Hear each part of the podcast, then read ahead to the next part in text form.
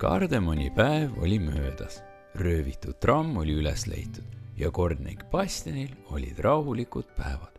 kuid pagar, vorstmaaker ja kaupmees Berg ei saanud end iialgi päris kindlana tunda. sellepärast ei maganud nad öösiti niisama hästi kui teised linnainimesed. ja ühel pimedal ööl ärkas vorstmaakel üles ning talle tundus, et kuuleb oma poest kahtlasi hääli röövlid on kindlasti jälle siin, ütles ta oma naisele. ta kargas voodist üles ja tõmbas püksid jalga. lõpuks ometi saan ma nad kätte, ütles ta. üksinda sul see ei õnnestu, lausus tal naine. Nad on kindlasti kolmekesi. muidugi võtan ma pagari ja kordnik Bastiani kaasa, ütles vorstmaaker. ta hiilis trepist alla, väravast välja nurgamaja juurde, sest seal oli pagari eluase pagar, ärka üles, ütles vorstmaaker. kas midagi on lahti või? küsis pagar. röövlid on siin ja muudkui röövivad. ohoh, ütles pagar, kargas samuti üles ja tõmbas püksid jalga. kus nad on? küsis ta. minu pool poes, vastas vorstmaaker. viimaks ometi on nad meil kõik kolmekesi peos. no siis peame kordnik Bastiani kaasa võtma, arvas pagar. seda küll ütles vorstmaaker. seejärel läksid nad politseijaoskonda ja äratasid kordniku üles. röövlid on jälle siin ja muudkui röövivad, ütles vorstmaaker. ei või olla, ütles Bastian, kes ei olnud veel päris ärkvel. on küll ja viimaks ometi nabime nad kinni. eks me pea seda siis tegema, ütles Bastian. ta tõmbas püksid jalga ja oma ilusa mundrikuue selga olge ettevaatlikud, ütles kordniku emand Bastian. küll me oleme, ütles Bastian ja nad hiilisid kolmekesi vorstmaakri poe juurde röövleid kinni nabima. vorstmaakri poe juures jäid nad seisma ja kuulatasid ja nad kuulsid seestpoolt igasuguseid kahtlasi hääli. olgem ettevaatlikud, ütles kordnik Bastian. Neil võib lõvi kaasas olla. seal on üks aken lahti, ütles pagar. oi ja müstiline lugu ütles vorstmaaker. küllap on röövlid sealtkaudu sisse roninud, arvas Bastian. Nad pidasid plaani, kuidas röövleid kinni nabida. pagar pidi tagaukse juurde valvesse jääma, et keegi sealtkaudu välja ei pääseks. ja sina, vorstmaaker, ronid aknast sisse ja vaatad, et keegi sealt välja ei saaks. samal ajal keeran mina poe ukse lukust lahti ja, ja siis nabime nad kolmekesi küljest üheaegselt kinni kas asi on selge? kõik on selge, ütles vorstmaaker ja hiilis akna juurde. kordnik Bastian oli poeukse võtme enda kätte saanud.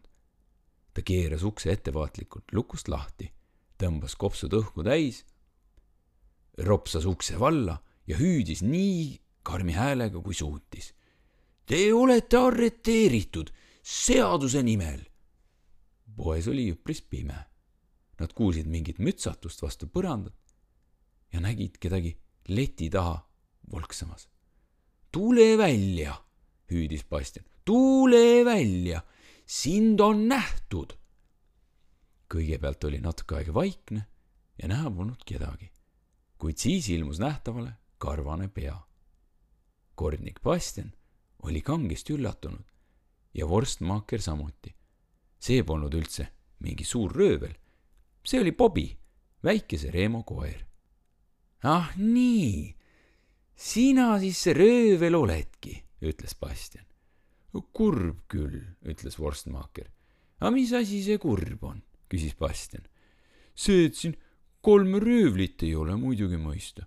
oleksid nad siin olnud, siis me oleksime nad ju kinni nabinud. seda küll, ütles Bastian. olgu, kuidas on, ütles vorstmaaker. siis pead sa nende asemel koera arreteerima. Tõ-, tõesti või? imestas Bastian. ilmtingimata, ütles vorstmaaker. ma nõuan seda. ta on kindlasti hulga piifsteeki ja vorstinahka pistnud. seda on näha, sest tal on õige suur kõht. ja Bobi võetigi seaduse nimel vahi alla.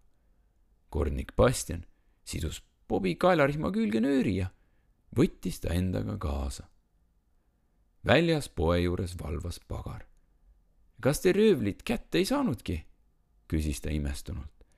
röövel on siin, ütles Bastian ja läks Bobiga politseijaoskonda.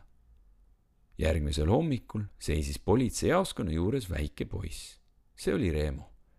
ta koputas uksele ja kornik Bastian hõikas sisse ja Reemo astus sisse. aga sina siin, ütles Bastian. Minu koer on kadunud, ütles Reemo. ei või olla, ütles Bastian. võib küll, ütles Reemo. ta on ju öö otsa ära kadunud sinu koer on arreteeritud, lausus Bastian. ta käis öösel vorsti ja piifsteeki röövimas. Bobi see küll olla ei saa. saab küll. aga kus Bobi praegu on? küsis Reemo. istub arestikambris. aga tal on siin hea olla, vastas Bastian. Reemo võeti arestikambrisse kaasa ja seal ta magaski, vaibal tema koer väsinud ja kõht täis heast ja paremast, mis ta öösel vorstmakri poes oli ära söönud. Reemot märgates liputas Bobi saba. häbi, ütles Reemo. on see tõsi, et sa oled öösel piifsteeki ja vorsti röövimas käinud? siis hakkas Bobil kangesti häbi. Ta lasi pea longu ja vaatas maha. Bobi ütleb, et ta ei tee seda enam kunagi, ütles Reemo. heakene küll, seekord laseme ta veel lahti ütles Bastian. pealegi tundub mulle, et vorstmaaker oleks võinud oma poe akna ööseks korralikumalt kinni panna. Reemo sai oma koera tagasi. ta lippas Bobiga minema, et vanale Tobiasele torni külla minna